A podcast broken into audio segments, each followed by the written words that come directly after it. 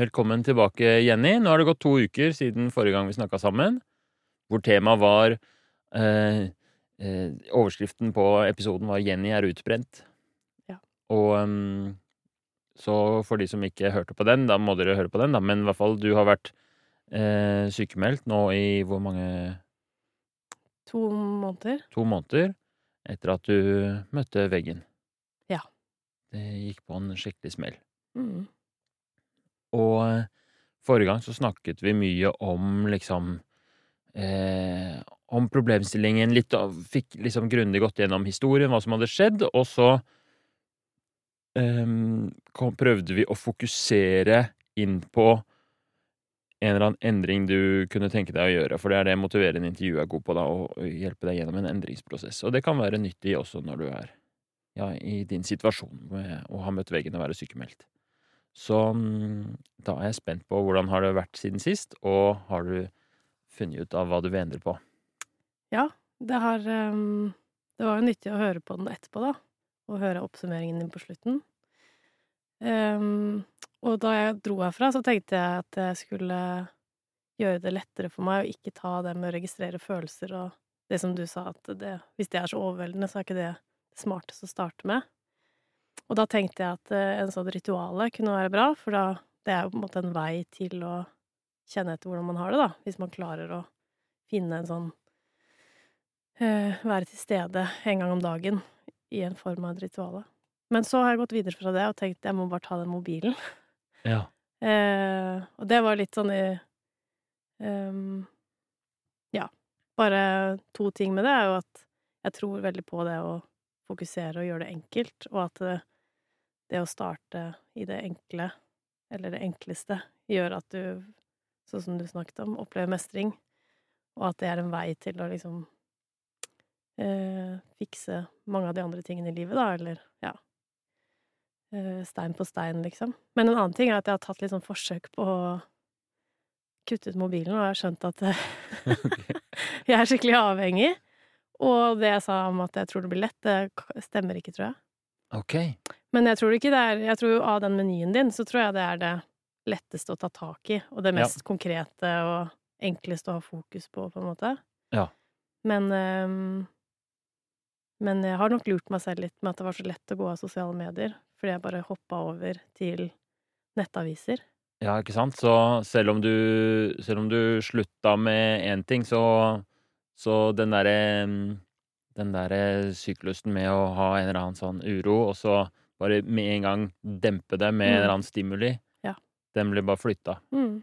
Så nå har jeg satt på sånn at jeg ikke får lov å gå inn på noen nettaviser, og da er jeg inne på sånn Vips, eller Altså, det er helt latterlig. Jeg er inne på Jeg har en sånn ny, på en måte Ny, Ny sånn runde som er sånn Vips.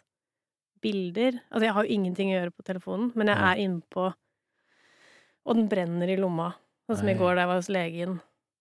Så tenkte jeg nå skal jeg bare la den ligge der, for alle sitter jo med det på venterommet. ja. Bare prøve å kjenne etter hvordan jeg har det før jeg går inn der. Og det var jo sånn smerte Smerte fordi jeg kjente Jeg måtte kjenne etter og Da kjente jeg jo at jeg hadde vondt i kroppen, og hvor sliten jeg var, og ja. det var krevende å liksom ikke ta den opp for å bare døyve det, på en måte. Så det er jo litt sånn skremmende, da. Det var litt eh, det var, Ja, det var en skremmende opplevelse Mm. å innse sånn Oi, shit, jeg er jo helt Avhengig. Bundet til denne. Mm. Og um, tenker jo at uh, veien til å få det roligere og orke å stå i liksom hvordan du har det, og kjenne etter og sånn, em, eller finne ut av hvordan man har det, er jo gjennom mobilen, da. Mm. Eller ikke ta de derre mm. utveiene som jeg kjenner at uh, man gjør. Ja. Som jeg tror er ganske vanlig, da, hvis jeg ser rundt meg. Ja, jeg tror det er nesten umulig å gjøre noe annet nå. Altså, mobilen er jo laget sånn for Ja. at den skal være engasjerende. Mm. Så det er jo en sånn nummenhet, da, Mm. som Og det, når, jeg tar den opp da, så er det jo sånn åh, deilig. Mm. Nå bare Selv om det er vips, liksom. Hva er det du ser på på vips? Nei, jeg bare går inn sånn Går inn og ser sånn... på alle transaksjonene? mm, Mm. som ikke har skjedd. jeg driver jo ikke så mye med vips. Liksom. Men eh, man ser jo det på Jeg ser jo det på når jeg ser på andres mobil på bussen og trikken og sånn. Mm. Det er jo sånn Instagram, de går jo veldig raskt igjennom. Du ser jo at de har vært der for to sekunder siden Ja. og prøver å refresh, og så er det ikke noe nytt som har skjedd, så går det Ja. til en annen app, da. Ja. Men det er bare at jeg har ikke noe annet enn Vipps, og Mm. Ok, bare for å liksom konkretisere. Så sånn som det har vært før, øh, sånn som du har pleid å ha det, hvordan er det? Og sånn som endringen du vil gjøre, hvordan er det? Bare for å beskrive helt sånn konkret hvordan det ser ut. Um, Nei, at ehm, de lommene jeg har i hverdagen, ikke blir okkupert av uh, telefonen, da. Mm. Og at jeg da Ja, og ikke, ikke tyr til den ved alle ledige anledninger. Ja. Hva er det liksom naturlig å er det, er det at telefonen er oppe, som er liksom det som du tenker er det Eller er det enkelte apper, eller hvordan er det med den Jeg tror det er Jeg har funnet ut at jeg tror det er hele telefonen, Hele liksom. Det er liksom ditt, din relasjon til den telefonen skal endres. Ja. Og hyppigheten av bruken, liksom. Og vekkinger, er det ikke det det heter? Hvor ofte du vekker den. Ja. Ja. For det går an å måle inne på skjermtid, og sånt, Mm. og så kan man se hvor mange vekkinger, og Mm. det er liksom din indikator på om du lykkes eller ikke, da. Ja. Perfekt.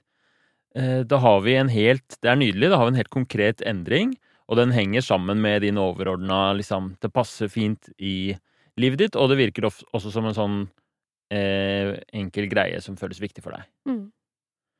Og da kan vi begynne å gå gjennom eh, liksom kjernen av et motiverende intervju, som er å finne ut av liksom, ambivalensen knytta til det her. Og da begynner vi med et spørsmål som er hva er fordelene ved å fortsette som før? Og ha masse bilder av familien min. Ja, så Ja. det er noe av fordelene med å bruke mobilen mye, er at du får tatt mye bilder. Mm. Det er Eh, også en ulempe, da. Man trenger jo ikke så mye bilder. Ja, det er en ulempe òg, men hvis vi starter med fordelene Ja. med det, da. Nei, det er jo at uh, brukeren til å ta bilder, da. Mm. Og det setter du pris på. Ja, Gjør det. Og være tilgjengelig, da, for folk som trenger å få tak i meg. Ja. Er jo en fordel. Det er en kjempefordel. Um, Men endringen du snakker om nå, bare for å skjønne det, det handler det også om at du skal ha den mer på lydløs eller ikke være tilgjengelig, eller? jeg har den alltid på lydløs. Jeg Ja. har aldri på lyd fra Ja. før. Så det, det kommer jo til å resultere i at jeg er mindre tilgjengelig. Ja. Så, så det blir en ulempe. Men det har du lyst til? Eller det er en del av endringen du ønsker, liksom? Det, det er en neg... Altså, det um, Jeg kan ikke se for meg Hvis ikke jeg skaffer meg en sånn Nokia 3310, så kan jeg ikke se for meg at det finnes noen annen løsning, da. Ja, Skjønner. Mm. Så ulempene har Altså, det er kamerafunksjonen, og det er um, tilgjengelighet for, uh, for omverdenen. Mm. At av og til når du er ute og mm, har liksom pause fra mobilen, og så er det noen som prøver å ringe deg, og så må du ringe tilbake, eller Mm. Hva mer er fordelene med sånn som du har det nå? Slipper å kjenne etter åssen jeg har det. Ja. Det er jo Mm. Og har alltid liksom en sånn dop, eller et eller annet sånn Ja. En utvei, liksom. Pause. Så sånn som du har det fram til nå, så er det en fordel i at du blir sånn bedøvet. Mm. At du slipper å møte deg sjæl i speilet, liksom. Ja. Og underholdning, på en måte, da. Ja. Så ja. Og så er det jo en fordel å holde seg litt oppdatert på nyhetsbildet, da. Mm. Uh, og det er vel det som er grunnen til at jeg har tenkt, da jeg gikk av sosiale medier, som jeg følte at var så åpenbart at ga meg lite, da, Mm. i den situasjonen som var der da. Så tenkte jeg jo Det er jo ikke noe farlig Eller da flytter jeg bare de pausene over til å holde meg oppdatert på nyhetene, liksom. Og at det føltes jo mer meningsfullt enn sosiale medier. Mm. Men eh, det dras mot sånne enkle overskrifter, da. Du orker Ja. jo ikke å gå inn og lese på Morgenbladet når du skal ha en pause. Nei, ikke sant? Da blir det jo noe litt mer VG-greier eller noe ja. litt raskere. Noe Ja. litt mer juicy. Ja. Så, men i hvert fall det er fordelen også med å være som før, er liksom tilgjengelighet, bedøvelse av følelser, og at du er faktisk oppdatert på verden, da. Mm. Så fram til nå, hvis noen har spurt deg hvordan Så har du litt oversikt over at det er krig i Ukraina, og at det er eh, inflasjon og ja, ja. Mens hvis ikke uten, så kanskje du hadde gått glipp av de tingene. Mm. Og mm, det er veldig mange nettaviser skriver jo saker som er fra sosiale medier. Så selv om jeg ikke har hatt Instagram eller Facebook eller noe sånt, så får man jo får man det jo gjennom nettavisene. Ja. Så jeg har liksom holdt, holdt meg liksom litt oppdatert på Ja. Hva heter det? Popkultur. Ja. Mainstream. ja. Det folk er opptatt av, liksom. Gjennom nettaviser, da. Så det er en, enda en fordel med Mm. å br bruke mobilen veldig hyppig. Noe mer? Nei. Men det er, det er jo ganske Det er jo flere gyldige ting, liksom. Det er jo ikke helt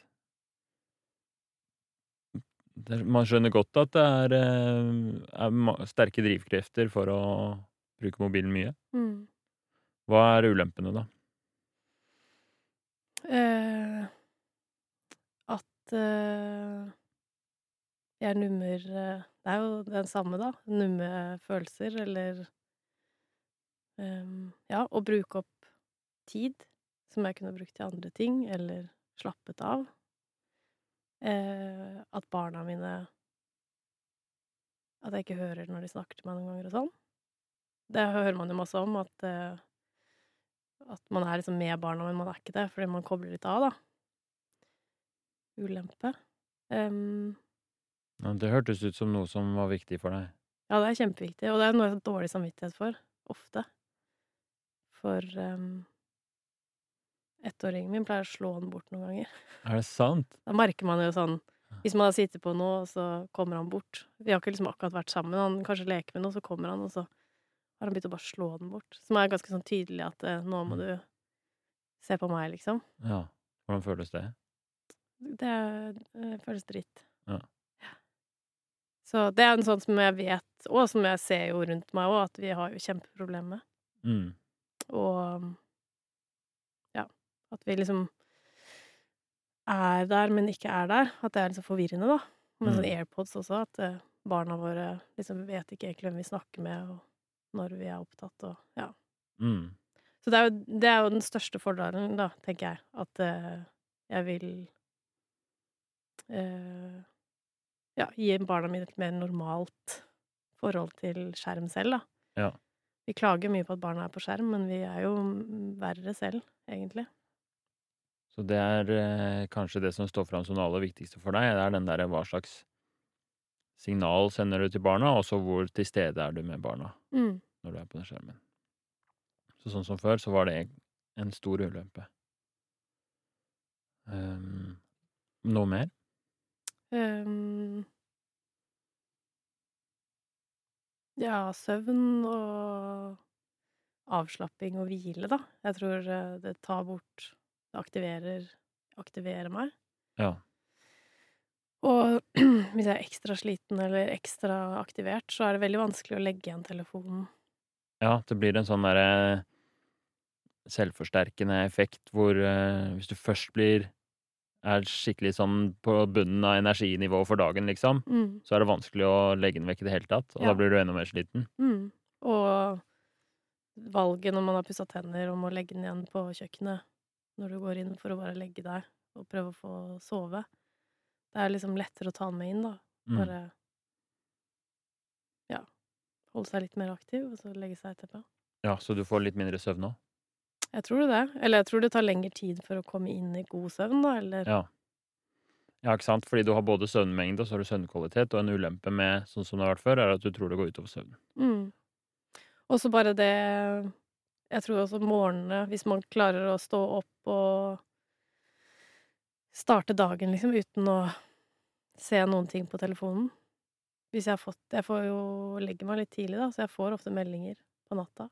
Så det Ja. å sånn starte med sånn Hei, et eller annet Det er jo liksom egentlig litt slitsomt. Man ikke tenker over det, da. Begynner jo å surre allerede, liksom. Hva jeg skal svare, eller Ja, fordi hjernene våre har jo forskjellig grad av mottagelighet for signaler og sånt nå. Sånn rett før man faller i søvn, og rett etter man våkner opp, så er man litt mer sensitiv. Så hvis du liksom starter dagen med en melding, så er det mer intenst enn hvis du får den, mm. ser den to timer seinere.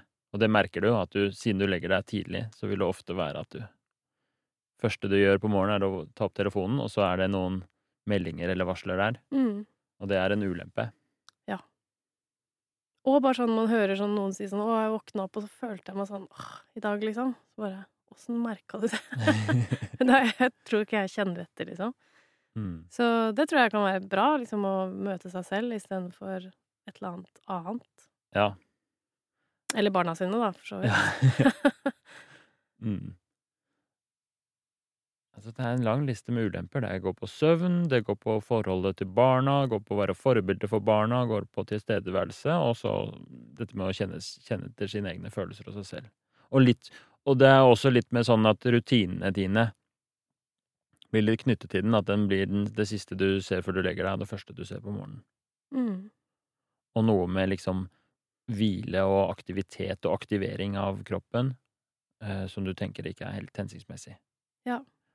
Og sånn eh, Komme tilbake til å tenke lange tanker Ja. og lese, liksom Ha konsentrasjon, da. Mm. Det tror jeg er eh, At det er en veldig negativ ting med smarttelefonen. Ja, for den ulempe du opplever nå, er at du sliter med å lese bøker, sliter med konsentrasjon, og som jo alle med smarttelefon sannsynligvis er mye mer sånn distraherbar, Mm. mye mer eh, flyktig i bevisstheten. Mm.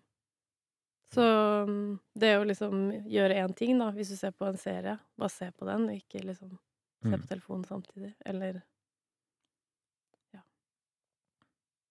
Det er fint. Ja, det er jo en lang liste her, og det er eh, Det er eh, veldig eh, altså reflektert, egentlig. Både på den ene siden så har du alle disse tingene du har sagt nå, med, med, med Som vi oppsummerte i stad, i tillegg med, med at du føler deg distraherbar og sånt nå. At den mobilen påvirker deg i veldig stor grad på mange måter som du syns er en ulempe, men så har du i tillegg fordelene med at du holder deg oppdatert, tar bilder, øh, og Er det noen flere på det? ja, folk kan kontakte, Og kontakte folk kan kontakte deg. Så Ja. er tilgjengelig. Som jo også er viktige ting. Mm, Så det er ambivalens, helt klart og tydelig. mm, Det er det vi skal fram til. mm. Hvordan føles det så langt? Nei um, Føles bra. Veldig tydelig. Mm. Og eh, skremmende, Ja. syns jeg, når man oppsummerer det sånn. Ja. Um, og litt overraskende. Jeg har liksom lurt meg selv litt, som sagt, med at jeg ikke har sosiale medier. Så har jeg liksom tenkt at jeg er mindre avhengig av telefonen enn andre. Ja. Men det er jo sånn telefonen, på en måte. Mm. Så, så jeg tror nok mange vil synes at det er imponerende at du har For det er nok mange som føler seg avhengig av sosiale medier, og ser på det som et stort steg å gå fra sosiale medier til ikke-sosiale medier. Uh, Så jeg tror ikke du skal undervurdere at det var en, eh, en endring som sikkert har gitt deg mye, og som har vært Det at du syns det var lett, er, er, tyder jo på at du er på en måte eh, god til en, en viss type endring, da. Ja, jeg har ikke så mye FOMO, tror jeg. Nei, du har ikke så mye FOMO. Men jeg har avhengighetsgreiene. Du har avhengighetsgreiene, og så er den Men det kan nok hjelpe deg i den endringen òg, den derre at du klarer deg uten FOMO. Og du også Mange syns jo det å Har jo veldig tendens til å gjøre sånn som alle andre gjør. Ja. Eh, men det har du jo i hvert fall vist med den endringen med sosiale medier, at du ikke nødvendigvis Men det var litt lettere, for det var veldig mange ulemper. Ja. Jeg hadde ikke noe Jeg så egentlig ingen fordeler. Ja. Og de tingene jeg tenkte kanskje var fordeler, endte med å være eh, ulemper. Eller sånn, da oppdaga jeg sånn Det trenger jeg absolutt ikke. Ja. Eller, ja. Så det her er nok en mer Det er en større ambivalens ved Ja. å kutte ut hele telefonen enn sosiale medier, da. Det var vel det jeg innså da jeg kom hjem, Ja. at eh, det kommer ikke til å være så lett.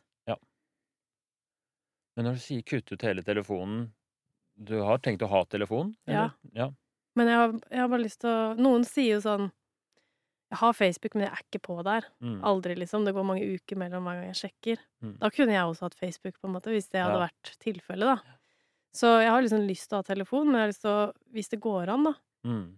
øh, avvenne seg med den, sånn at man Sånn som nå må jeg liksom anstrenge meg når jeg sitter Jeg satt på bussen opp hit, ikke Mm. ta opp telefonen. Ja. Jeg gjør det jo ganske ofte, for jeg har vært bevisst på det lenge. Ja. Og da jeg hadde baby hjemme og sånn, så la jeg den bort. Men det, det bare merker at det koster meg mye. Og sånn som du sa, da, når man er aktivert og stressa Det siste halvåret har det jo intensivert seg. Så når Ja. jeg har det bra og Så er det lett å være til stede og lett å legge den bort, men Men eh, ja, det blir som en sånn derre Sikkert de som røyker, da, røyker liksom dritmye når de er stressa.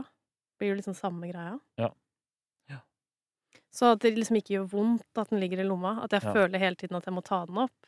Komme til et sted hvor den bare er Jeg kan sjekke den, og ingen har ringt, eller legge tilbake, og Ja. at det ja. Så det er eh, klart og tydelig det du ønsker deg, da. mm. Det syns jeg var veldig fint å få en konkretisering av det. Vi skal gå eh, utforske enda litt mer ambivalens ved å snu på spørsmålet. Så hvis du får til en endring, hvis du får det akkurat sånn som du vil, Ja. og du er sånn som hun som eh, har Facebook, men ikke ser på det, så har du mobil, men du er ikke så opptatt av den. Ja. Hva ville vært eh, fordelene med det? Da vil jeg bli en bedre mamma. Og en bedre partner. Og venn. Hvordan, hvordan henger det sammen? Eh, da har jeg ikke noe som eh, tar bort oppmerksomheten min, da, fra å være til stede med mennesker jeg er sammen med. Ja, så den, den mobilen tar liksom en del av din oppmerksomhet på omverdenen. Mm. Det merker jeg jo veldig godt hvis man er sammen med venninner som sitter på telefonen samtidig. Det, man føler seg jo ikke sett. Og det er vanskelig å holde en samtale Man venter jo på at man skal ta den bort igjen, liksom. Så du vil være en som uh, ser andre. Ehm, ja, og en som kjenner etter selv, da. Ja, Ja. Kobla på meg selv, ikke telefonen. Og det er den som kanskje du kjenner, henger sammen med situasjonen du er i nå, da, hvor du møtte veggen og sånt nå. At uh, det er en eller annen sammenheng der. Vil du si litt mer om det? Ja, at ehm, Sliter med å navigere etter min eget senter, da, eller uh, Og kan strekke meg mye lenger enn jeg burde, fordi jeg ikke kjenner etter. Ja. Og ja, så Og det tror jeg telefonen Det er en måte å numme meg på, liksom, eller eh, Ja, fordi når den tanken kommer Ai, nei, nå er det litt mye, nå burde jeg kanskje redusere på et eller annet, eller eh, si fra til jobben, så er det litt sånn ubehagelig, og så kan det være Nei, jeg bare ser litt på mobilen, og så glemmer man å ta tak i liksom sine egne følelser og, og impulser, lite grann. Mm. Og bare, jeg tror etter jeg har blitt Det tok jo ganske mange uker fra jeg ble sykemeldt til kroppen min kjente at jeg var sliten. Ja. Og det har liksom vært en stor øyeåpner, fordi tidligere har jeg liksom tenkt Hvis man kjenner etter på kroppen sin, så går det går liksom fint. Jeg orker det, eller jeg kan dra på det, eller Mens um, at det er liksom da kortisol eller hva det er, som holder deg, eller adrenalin eller hva det er et eller annet i kroppen som holder deg i gang, da. Så hvis du ikke kommer deg ned på et nivå som gjør at kroppen din og du er i kontakt, Mm. så vil man heller ikke kunne helt kjenne igjen hvordan man har det, da. Ja, så hvis Og- du hele tiden er litt aktiv, hvis du aldri får Altså, kroppen skal jo bli stressa, og så skal den bli Gå ned igjen, gå ned igjen, og så Men blir det liksom verken eller. ja, så jeg har liksom holdt meg på det aktive nivået hele Mm. tiden. Mm. Og da er jo mobilen en veldig stor bidragsyter til å ikke kjenne etter, da. Og Mm. mange andre ting i livet, men jeg tror liksom Mobilen er jo det som Eller telefonen, kan man jo si nå. Mobil er det. Men eh, ja, så det tror jeg er eh, stor bidragsyter til å holde, fortsette å holde meg aktiv. Ja. Fordi det er ubehagelig å bare sitte der når man Mm. har det ehm, Så jeg vil jo også Men det er jo også ikke bare for å kjenne etter at jeg er sliten, jeg vil også ikke ha telefonen der for å kjenne etter at jeg har det bra. Man Mm. vil jo liksom Det er jo bare en sånn en nummenhet, da, Ja. til livet. Ja. Og som jeg ser nå at får store konsekvenser å ikke klare å kjenne etter. Ja. Så en, i seg selv så er det å ha en nummenhet i livet er liksom Det er du ikke så fan av, men når det i tillegg er såpass eh, For deg har, fikk det store konsekvenser, det var farlig, Mm. det gjorde at du ble sjuk. Uten å si at det var kanskje eneste årsaken, men Men uh, det føles i hvert fall som en veldig viktig ting. Mm. Så det skjønner jeg. Hvis du får til en endring, så er fordelen at du får kjenne på deg selv. Og kjenne dine egne følelser og være til stede med deg selv. Mm. I tillegg til å være her for andre. Um, noen flere fordeler hvis du får til en endring? Det er jo en fordel å ikke være avhengig av noe, da. Ja.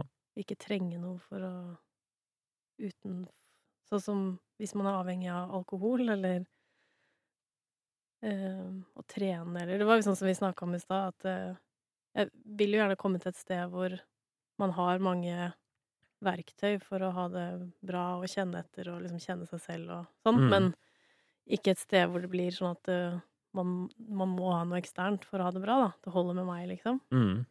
Så det å Hvis man glemmer en telefon og går tom for strøm, så er det greit. Ja. Det er jo en fordel å ikke være Ja. avhengig av noe sånt. Ja. Så ja. Så bare det som, som konsept avhengighet, er det i seg selv en verdi å, å, å slippe det. ehm, Og så tror jeg at det der um, Tid Tid eh, Jeg kommer til å få mer tid. Ja. Og kjenne på mindre stress fordi jeg får mer tid. Det er mange fordeler. Altså tilstedeværelse med de rundt deg, kjenne, bli kjent med deg selv og være mer sånn mindre nummen for livet, få mer tid og kvitte deg med en avhengighet. Eh, Ulempene, da, hvis du får til en endring, eller i endringsprosessen. Nei, jeg kan jo falle litt utenfor, da. Ja. Sånn som har, Det er jo ulemper med å ikke være på sosiale medier, men jeg ser på de som fordeler. Eller det er ikke verdt det, på en måte, da. Mm. Men øh, så vil jo Ja, være litt mindre tilgjengelig og litt mindre oppdatert og um,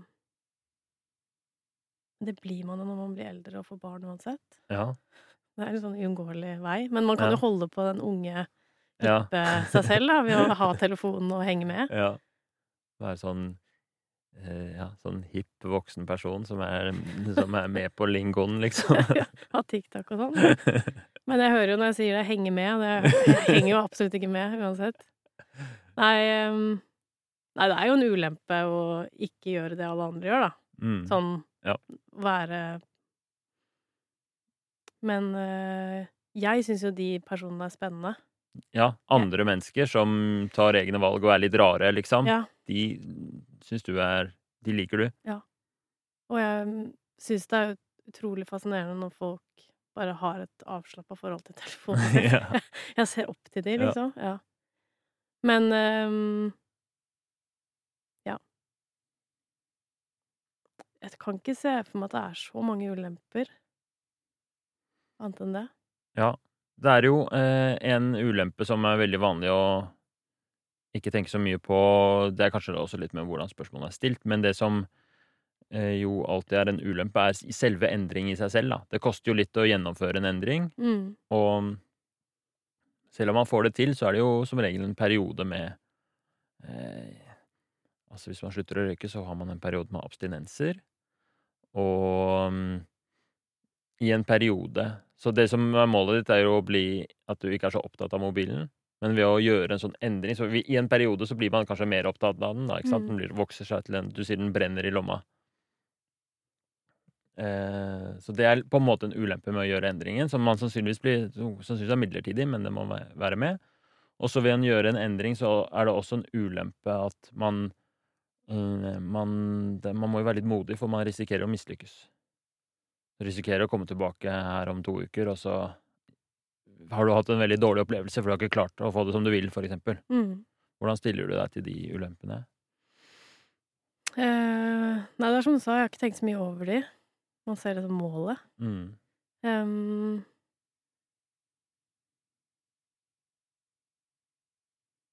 Nei, det er jo litt skummelt, da. Men eh, Jeg gikk jo hardt ut og sa det kommer til å bli dritlett forrige episode. Så nå føler jeg jo litt det samme, at det, kommer ikke til å bli lett. Det vet jeg jo nå. Men jeg tror Jeg klarer ikke å se for meg at det ikke går. Ja. Jeg vil sånn Det føles såpass viktig for deg, liksom? Ja. Mm. Men eh, da jeg gikk av sosiale medier, jeg tror det er seks år siden, så tenkte jeg dette var jo fantastisk. Jeg har sett lyset. Alle kommer til å komme etter meg. Seks år senere så har det bare blitt flere sosiale medier. Men um, Så det har, ikke, det har jo ikke hatt noe lyst noen gang til å komme meg på der igjen, liksom. Mm. Så det er det jeg håper at uh, Men det er jo selvfølgelig fare for at uh, man får et tilbakefall, eller at man ikke får det til i det hele tatt. Det blir jo et nederlag. Man må liksom danse med Nå er jo dette en prosess, og det skal bli en, en god oppfølging og sånt nå, men eh, det er bare um, eh, Vi skal gå i gang Jeg skal stille litt, litt mer spørsmål om det seinere, så vi kan gå videre. Fordi nå tenkte jeg å kartlegge motivasjonen. Altså på denne endringen, når vi har snakket gjennom all ambivalensen og sånt nå, på en skala fra én til ti, hvor ti er dette er ekstremt viktig for meg, og null er ikke så farlig, liksom. Hvor viktig er denne endringen? Ti. Ti, den er på maks. Ja. Den, altså, du kunne sagt åtte, for eksempel, men du sier ti. Hvorfor sier du så høyt? Um, Nei, det er uh, ekstremt viktig for meg. Jeg skjønner uh, Spesielt etter altså de siste to ukene etter det jeg kom opp på forrige Så har jeg gjort masse sånn småforsøk og reflektert veldig mye over det, og skjønner hvor negativt det er for meg Mm. å ha det forholdet jeg har til telefonen. Så, men det er grunnen til at jeg sier Hadde jeg ikke hatt barn, så hadde jeg sikkert sagt sånn syv-åtte, men Ja. på grunn av barna så er det liksom det viktigste, tenker jeg. Det er de, det at du ikke bare gjør dette for deg selv, men du gjør det litt for både for å være forbilde for de, og for å være til stede for de. Mm. De to tingene der tar det helt til toppen av viktighet for deg. Jeg tror det. Hvor stor tro har du på at du kan klare å gjennomføre på skala fra én til ti? Åtte. Åtte? Ja. Det er gode tall. Dette her kan vi jobbe med. Hvorfor sier du åtte og ikke for eksempel eh, fem eller seks? Eh, Jeg hadde lyst til å si ti, Mhm. men det er bare fordi jeg er veldig motivert, tror jeg. Ja. Men ehm, Fem Hvor stor Nei, det er jo bas basert på tidligere erfaringer, da. Med å gå av sosiale medier, så føler jeg at jeg har litt sånn selvtillit på at ja, nemlig. Du har vært igjennom en lignende endring før. Ja. og mestret den bra. Og i tillegg så hadde du den følelsen av at når du hadde gjort den etterpå, så var det sånn yes, ikke tilbake. Ja. Så mm, Ja. Så jeg har litt sånn eh, Både fra den erfaringen så har jeg både motivasjon og mestring, da. Mm. Og så føles det ut som, siden det er så viktig, så tenker jeg at det, det må gå. Eller det må Ja. Det Det skal mye til for at jeg gir opp, på en måte, da. ja Og så lenge du ikke gir opp, så ser du at dette er stor sjanse for å lykkes med. Åtte Ja, hvis man bare kan stå i det. Ja. Hvor klar er du på samme skalaen? Hvor klar er du for å sette i gang, da? Fra én til ti? Ti. Ti? Og det er, det er jo litt sånn for å sette ord på ting, så stiller vi det samme spørsmålet. Da. Hvorfor sier du ti og ikke syv på den? Ehm, kanskje hvis vi hadde gått i gang med den endringen for, For to uker siden, så ville jeg kanskje sagt syv. Mm. Men nå har det gått to uker, og ehm, på den tiden så har jeg blitt veldig motivert for det. Ja. Og veldig sånn klar til å For det har intensi intensivert seg litt, da, Ja. den mobilbruken. For jeg visste at jeg skulle hit og si at den skal jeg kvitte meg med. Og sånn vet jeg jo at det er for folk som skal slutte med ting, da. Nå har jeg kjøpt siste Mm. snusboks, liksom. Da skal Ja. jeg bare ha fem snus i på en gang, og sånn. Så da har det vel også på en måte blitt synligere for meg. Mm. Um, og jeg har hatt litt samtaler med venninner og sånn, som Og de er jo også Vil jo også redusere sin mobilbruk, så Mm. jeg føler jo også at jeg har fått mye sånn derre støtte Ja. i at andre også føler det samme. Og alt det koker ned til at nå er du klar? Nå er jeg klar, ja. Og så bare for å mm, For å få svart på hvitt eh, den forpliktelsen du liksom hele tiden viser, da, så er du villig til da å For hvis vi går gjennom de ulempene med å endre seg før, da, så var det jo det å være litt utafor og være litt annerledes og rar og sånt nå. Er du villig til det? Ja. Ja. um, hva med er du villig til å stå i Altså, det kommer til å komme negative følelser og abstinenser og sånne ting. Om jeg er villig til det? Mm, Ja. eh, fantastisk. Og til slutt, hva var den Ja, er du villig til å ja, være litt Falle litt utenfor og ikke være helt med? på å holde det oppdatert, liksom? Ja. Ja. Så kan jo hende det går an å holde seg oppdatert på måter som ikke innebærer mobilen nå, da. Ja, jeg merka det. Jeg abonnerer på Morgenbladet, og Ja. den merker jeg ikke så ofte at kommer. Det er mer sånn 'Å, Morgenbladet'. Mm. Det kan jeg drikke kaffe og lese, og så får jeg ikke tid. Men nå har det jo liksom Det var en forrige uke, så kom det ikke. Og da var det sånn Hva er det som skjer nå? ja. eh, og det var jo fordi jeg prøvde å slutte å lese nyhetene, så fikk jeg jo et behov for å lese ja, noe annet, da. Så det, det, det jo, henger jo også med i den motivasjonen, Mm. da, at jeg liksom merket da at eh, plutselig så har det en, en verdi, da. Ja, herlig. Så jeg tror, jeg tror ikke jeg faller helt utenfor. Jeg er jo interessert i samfunnet. Men jeg kommer jo ikke til å vite om uh, Vegard Harm har fått seg kjæreste, for eksempel. Nei, det går du glipp av. Da er du villig til å gå glipp av det? Ja. Jeg hører sikkert om det. ja, du, Jeg vet ikke. jeg kan, eh, kan sende deg en e-post hvis det dukker opp noe. Ja. Ok. Um, da tenker jeg Da høres det ut som du er eh, klar for å gå i gang med en endring. Og de som er sånn faste lyttere, de eh, nå, skal jeg, nå, nå skjer det noe nytt, nemlig. Dette er eh, premiere Wow. på eh, På eh, en metode for å gå, lage en endringsplan. For det er neste sted, steg, er å planlegge endringen. Så det er eh, Jeg har veldig trua på det å gå en, en liten omvei til endring.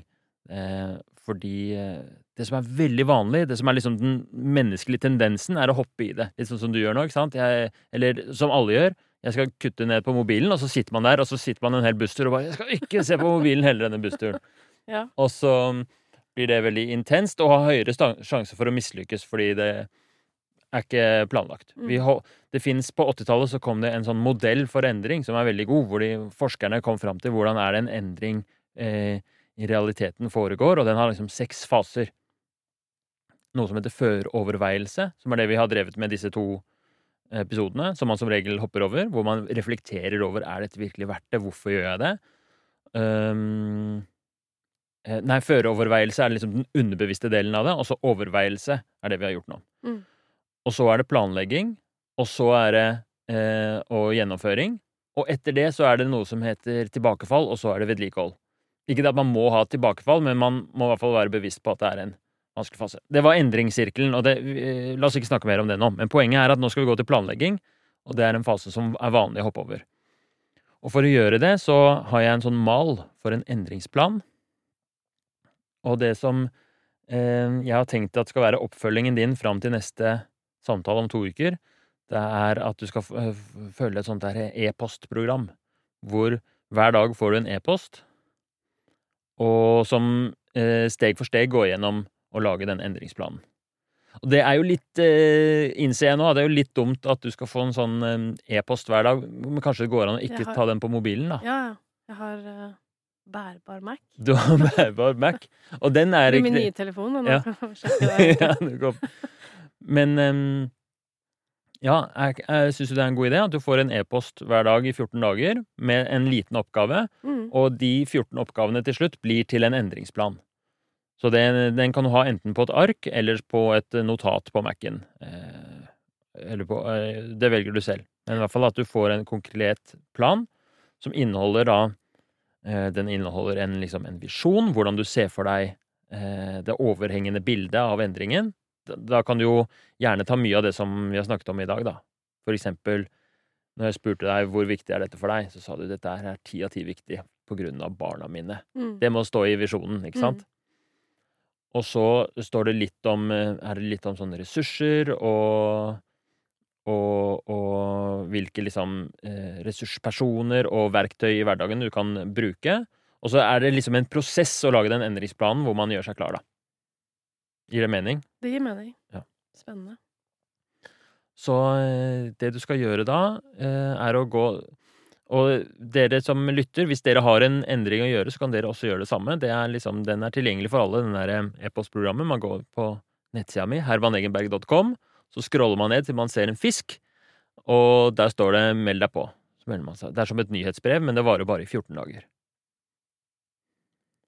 Og så ses vi om 14 dager, og da skal vi snakke oss gjennom den endringsplanen, da.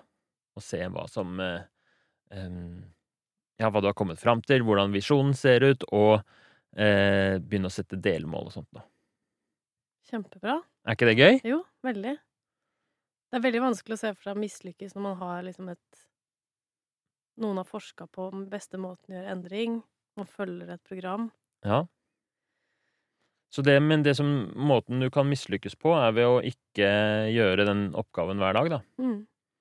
Så det eh, krever litt innsats. Det er ikke alltid man får lyst.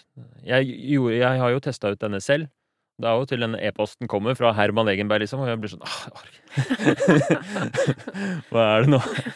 Men, eh, men jeg syns det gikk fint, og det, jeg lykkes i min endring. Jeg skulle spise mindre sukker. Også. Ja.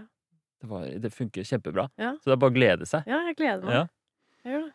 Um, og så blir det veldig spennende å høre hvordan den eh, ser ut neste gang. Ja. Er det noe mer du øh, lurer på fram til neste gang? Eller har, er det noe som er uklart? Nei.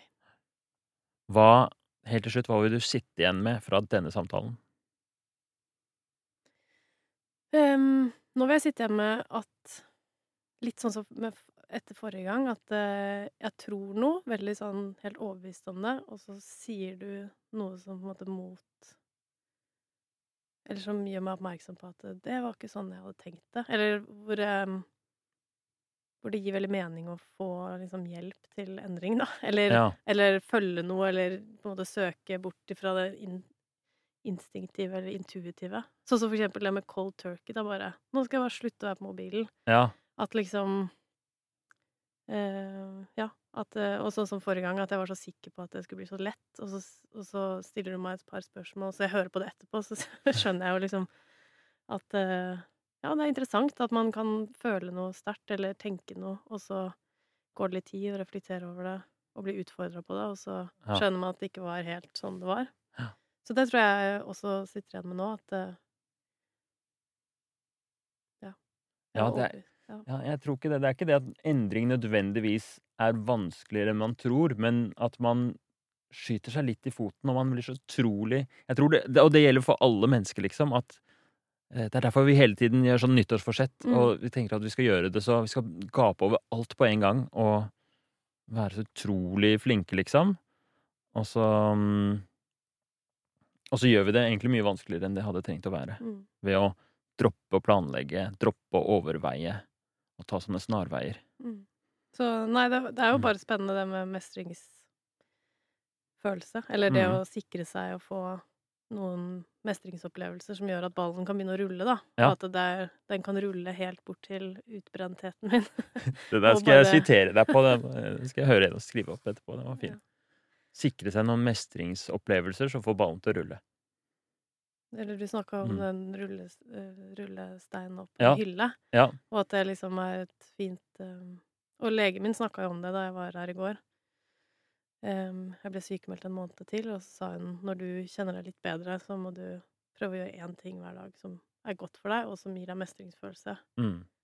Og da Det var liksom sånn gjøre noe som sikrer deg at du, du du bygger deg selv opp, da. Ja. Og, får noen, og kan liksom stelle deg på en hylle, og så slappe av litt, og så tenke at nå har du kommet deg et steg videre. Og da kan man fortsette å klatre trygt, da. Mm. Ja. Herlig. Jeg syns dette var en fin oppsummering, og jeg syns dette var eh, bra. Og da har du en, et veldig, en veldig klar oppgave til neste gang. Ja. Og det er å ha med enten et ark eller et dokument som er den der endringsplanen. Og svare hver dag. Hver dag, ja. Mm. Altså om, om, om du tar to på én dag, og det, det er ikke verdens undergang, liksom, men det er ikke store oppgaver. Det er en kort Ah, mail med en det liten skal- oppgave. Det skal jeg klare. All right, lykke til, og takk for i dag. Tusen takk. Vi ses. Vi ses.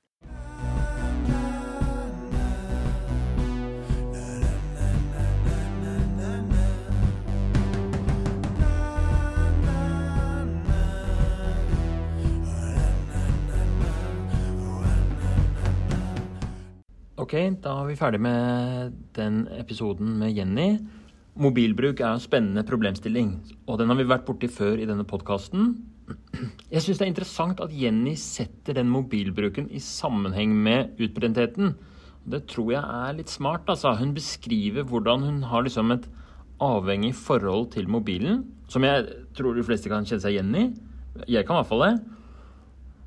Um, altså den derre følelsen jeg, Hvis du setter deg på do eller venter på bussen det er, det er, så umulig å ikke ta opp mobilen. Ja, den er så ingrained i livene våre. Men i tillegg så snakker hun om noe som uh, vi kanskje ikke er så bevisst på. da, og Det er hvordan den bruken av mobilen har gjort henne dårligere til å lytte til seg selv.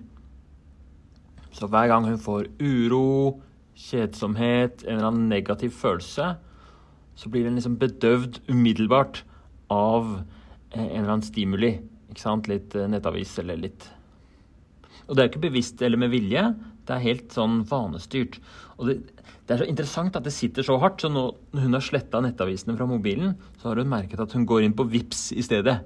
Altså, Det skjer jo ikke noe på VIPS, men hun tar det fram av god gammel vane for å få en liten sånn stimuli for å dekke over eh, litt sånn om det er noe indre uro. Og det, det er etter om den der indre uroen, den der ubehaget vi føler i hverdagen, det er jo ikke Det er jo ikke Det er jo en grunn til at den er der. Det er jo kroppen som snakker til oss, som sier sånn Hallo, dette må vi gjøre noe med. Nå trenger jeg hvile, nå trenger jeg ditt, nå trenger jeg datt.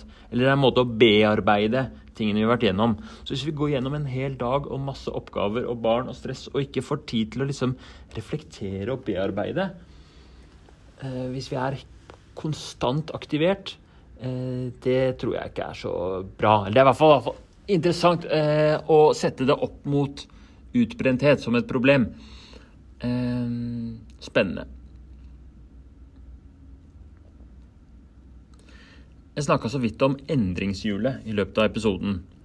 Og bare for å ha litt sånn faglig bakgrunn på det, det er en modell for hvordan endring foregår. Den heter eh, Trans-Theoretical Model of Change. Eh, kom på 80-tallet av to psykologer fra USA, Prochaska og Di Kelmentes. Det høres jo italiensk ut, men de er amerikanske. Uh, og den modellen kom litt sånn samtidig som motiverende intervju. Og de uh, motiverende intervju og endringshjulet de passer veldig bra sammen. Uh, de er veldig gode modeller begge to, eller metode og en modell. Og begge liksom fremmes av Helsedirektoratet i Norge og er liksom velbegrunna, masse forskning som ligger til grunn for det. Og um, og jeg syns det er bra. Noe av det viktigste vi skal ha med oss fra det endringshjulet, det er at endring det følger da sånn Det er en forutsigbar prosess, og som de har delt inn da i seks faser. Føreoverveielse, overveielse, planlegging, handling, og så tilbakefall. Den kan man også kalle utfordring, for det er ikke sånn at man må ha tilbakefall for å gjennomføre en endring, men i hvert fall den motstanden, utfordringen, som Eh, er med i enhver endring. Og så til slutt vedlikehold. Og Grunnen til at dette er så viktig, at dette her er god kompetanse å lære seg, er at folk flest eh, gjør ikke endring i henhold til endringshjulet. Vi gjør liksom alle sammen nøyaktig samme feil hver gang. Og det er at vi hopper over viktige steg. Og det gjør at vi blir veldig dårlige til andre. Så vi har dårlig endringskompetanse. Dette her er sånn Eh, dette er sånn nøkkelferdighet i å leve i den moderne verden, er å skjønne endringshjulet og, og, og kunne bruke det for å, i sitt eget liv. Da. Så det vanlige er jo at vi begynner i føroverveielse. Det er den delen av en endring som er underbevisst at eh, kanskje får vi bare et innfall om at vi skal gjøre en endring, ikke sant? Eller vi, får, eh, vi blir bedt om å gjøre en endring, eller vi blir inspirert av noe vi ser. Kanskje du, når du hørte på denne eh, episoden, så tenkte du kanskje jeg skal bruke litt mindre tid på mobilen, jeg også. Det er føroverveielse. En sånn eh, en følelsesmessig, eh, underbevisst eh, vurdering, dragning mot en endring. Og det som ofte skjer da, og det som er typisk eh, når du hører på nå, er at du tenker ja, det, jeg skal også det, og så sletter du dine nettavis-apper. ikke sant? Eller hvis det er noe annet, så du bestemmer deg søren, nå skal jeg slutte å røyke, kaste røykepakka. Eller ah, ser en reklame på bussen, jeg melder meg inn på Sats. Og så, så er du allerede i gang. Og da har vi hoppa over to faser. Da har vi hoppa over overveielse, som jo er en stor del av det motiverende intervjuet. Det gjorde vi mye i den første samtalen. Eh, og det handler om å, liksom, å prioritere og fokusere litt. Eh, altså fordi det er uendelige endringer du kan begynne på i dag, som kanskje hadde gjort livet ditt bedre, men hvilken er det som er viktig for deg? Um, hva skal du fokusere på? Er det egentlig viktig for deg å gjøre det? Altså Det som ofte skjer, er at man begynner med én ting. ikke sant? Du sletta Nettavisen-appen i dag, og så i morgen så tenker du å ja, fader, men jeg har lyst til å spare litt mer penger. Og så tenker du på det heller. Å ja, men da må jeg jo følge med på eh, Nettavisen for de gir meg sparetips, eller bla, bla, bla. Eller et eller annet. At vi bytter, og vi klarer ikke å fokusere. Eh, som jo også er en sånn økende problem i et moderne samfunn hvor det er så veldig mye inntrykk hele tiden. ikke sant? Og så mye råd og så mye beskjeder. Altså det, det, er så hektisk, ikke sant. Så den derre overveielsen er viktig. Bestemme oss og vurdere hva er fordelen her, hva er ulempen her, hva er det egentlig jeg vil, og komme fram til, sånn som vi gjorde i denne episoden, kom vi fram til hvor viktig er dette for deg. Dette er ti av ti viktig, jeg er klar for det, dette er noe jeg vil prioritere. Eller som vi gjorde forrige gang, at vi la opp litt forskjellige alternativer. Hva er det du har lyst til å endre på? Og hun kom fram til, etter to ukers refleksjon, det syns jeg er en fin periode, liksom to samtaler med to uker imellom, en fin, eh, fint utgangspunkt for overveielse. Ok, Neste fase som vi hopper over, det er planlegging. Eh, så jeg er sikker på at det er veldig mange eh, av dere som hører på, som har tenkt på å gjøre en eller annen endring, eller når det kommer til mobilbruk, da. Men det er veldig sjelden at vi legger oss en plan for hvordan vi skal bruke mindre tid på mobilen. At vi tar høyde for uh, hva slags um, ulemper er det, hvordan er det jeg skal forholde meg til hvis jeg får et tilbakefall. Uh, hva hvis det kommer en uh, nyhet som jeg har lyst til å følge med på? Hva nå enn det skal være.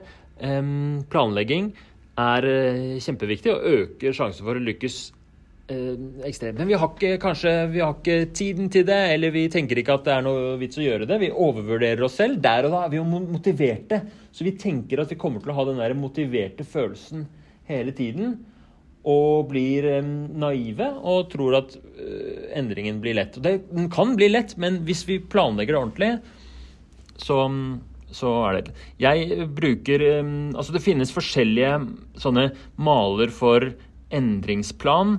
Og jeg var ikke helt fornøyd med noen av de jeg fant, så jeg har laget en e egen. Og den kan, jeg har laget en mal da, for endringsplan, så den kan man laste ned fra herbanegenberg.com. Den uh, ligger det sånn Google Docs ute som er bare nederst på sida der.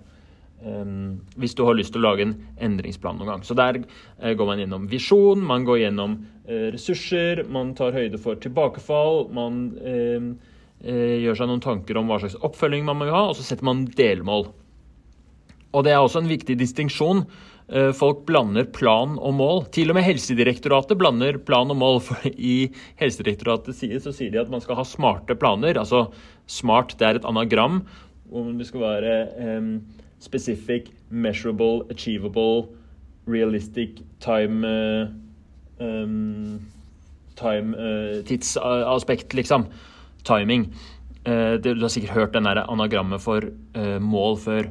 Så, uh, så, for delmål er det, der, er det, viktig at de er smarte, men planen syns jeg bør inneholde de elementene som jeg har snakket om nå, i tillegg. Og særlig den første delen, at det skal være en visjon som er litt sånn emosjonell. Altså et smart mål som er sånn superrealistisk. Jeg skal, jeg skal um, uh, I Jennys tilfelle, da, Hvis vi bare hadde satt et smart mål nå og sagt uh, til de neste to ukene så skal jeg ha uh, maks én time på mobilen hver dag, eller hva det skulle vært. Ikke sant? Det hadde jo vært kanskje realistisk og spesifikt og tidsbestemt og alt sammen. Men det er ikke liksom så mye futt i det målet hvis det ikke i tillegg har en litt sånn der emosjonell, klar visjon. Og det er det som vi får fram i den samtalen her, hvor Jenny sier det er ti av ti viktig for meg å kutte ned mobilbruken fordi jeg vil være god mor for barna mine, og jeg vil være til stede med de i dette livet, liksom. Så i en endringsplan så har vi både den der emosjonelle, sterke visjonen, og så har vi de der smarte delmålene, og sammen så blir det eh, blir det konstruktivt. da. I tillegg til at vi tar høyde for tilbakefall, og vi eh, kobler på forskjellige ressurser. Eh, ressurspersoner og verktøy vi bruker i hverdagen. Les den der eh, malen, så, så, så, så, ser dere litt mer hvordan det foregår. OK. Poenget mitt var at folk hopper over disse stegene. De hopper over eh, planlegging, de hopper over overveielse, og så hopper de også over vedlikehold. At man, hvis man først eh, går på en smell, eller man møter noen utfordringer, så gir man opp med en gang. Og så tenker man ja, da, da, da funka ikke dette for meg, og så begynner man å rasjonalisere. Og ved å ha denne snarveien gjennom endringshjulet, fra føroverveielse, rett til handling og rett til tilbakefall, og tilbake til status quo, så havner man i en karusell av fiasko. Og det som skjer da, er at man bygger seg opp en sånn tanke om at endring, det går ikke. Man, man får en sånn tillært hjelpeløshet. Og manglende mestringsfølelse, og det gjør at liksom, eh, man, litt, man, stagnerer i livet. Man føler at 'jeg får ikke til noe som helst eh, endring', og så blir man veldig ytrestyrt. Det ender med at man til slutt bare kan gjøre ting når man har eh, rammer. Jeg klarer kun å levere eh, være produktiv hvis jeg er på jobb og får deadlines, og, og jeg kan kun um, møte opp på trening hvis jeg har en avtale. Jeg, liksom, blir, det som Jenny beskriver litt, da, at hun er litt sånn føler seg ytrestyrt. Hun føler at hun har ikke kontakt med seg selv. Hva er det egentlig jeg vil? Hva er det egentlig jeg føler? Det er liksom en konsekvens av både hektisk hverdag og mye stimuli og lite sånn, tid til refleksjon og tanke. Og også en sånn tendens som vi alle sammen deler, om å hoppe over steg i endringshjulet og ikke kunne og, og få litt sånn der tillært hjelpeløshet. da. Søren, dette her er epidemi i samfunnet. Nei, det er ikke så ille. Altså, um, jeg føler at Vi er jo flinke. Det er jo så mye ressurser i oss. Men jeg tror at vi kan liksom Vi kan, vi kan få til enda mer da, hvis vi eh, jeg, jeg, føler det er veldig mye eh, bra eh, lærdom å hente ut av endringshjulet. OK, nå har jeg babla i vei. Dette ble et fint, eh, eh fint ettersnakk. jeg tror dette her er veldig Jeg syns det er veldig spennende episoder, dette med Jenny. Det er så gøy å se hvordan det går gjennom denne endringsprosessen. Se at det skaper eh, mestringsfølelse. Eh, det føltes ut som Jenny var altså jeg, jeg, jeg, likte veldig godt energien hun hadde i dag. Hun var, sånn, hun var veldig tydelig. 'Jeg vil dette ti av ti'. Det er eh, bare det å få liksom, reflektere litt over hva hun vil i disse to ukene, tror jeg har vært en god start. Og altså det var litt poenget med den der menyen. da, ikke sant? Og I starten var hun veldig opptatt av sånn, ja, men hva er best, hva syns du jeg skal gjøre? Det er ikke så viktig hvilken endring man gjør. så vi gjør, Det her er ikke sånn at alle som har mye mobilbruk, burde kutte ned det, og så blir du kvitt din utbrenthet.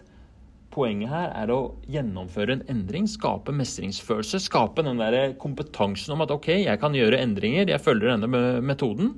Og så eh, Da får du litt den derre Eh, da får du eh, mestringsfølelse. Det er superviktig. OK. Jeg vil, si, jeg vil si litt til om vedlikehold, fordi det er den mest undervurderte fasen i endringshjulet. Vedlikehold er sånn alle bare peiser over. Fordi vi har masse gode vaner og ting vi driver med, og vi tar det for gitt at uh, vi gjør det. Og Eh, det skjønner jeg godt. altså Det koster oss ingenting å uh, altså vi, For eksempel, la oss si du har en eller annen eh, Jeg skriver dagbok, ikke sant? Og tenker ikke noe over at jeg gjør det, og det er en god vane for meg. Men det som er så lurt, er å vie litt tanke en gang iblant til å vedlikeholde de gode vanene vi gjør. Fordi det koster så lite energi å styrke vaner som vi allerede er i gang med mye mindre enn det ville gjort å, liksom, å, å starte med en ny ting.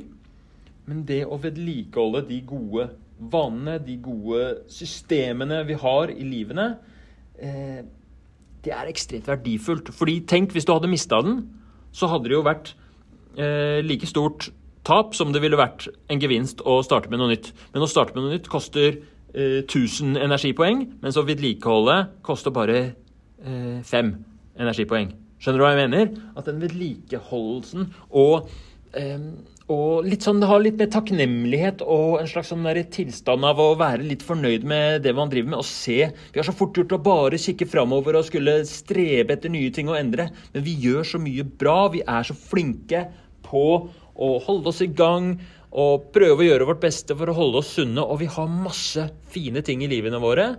Og, og liksom vie litt oppmerksomhet i de også. Det tror jeg er viktig. Så ofte i sånne endringsprosesser så liker jeg å starte med sånn Hva vil du ikke endre på? Hva er du fornøyd med her og nå? Det syns jeg er et godt fundament.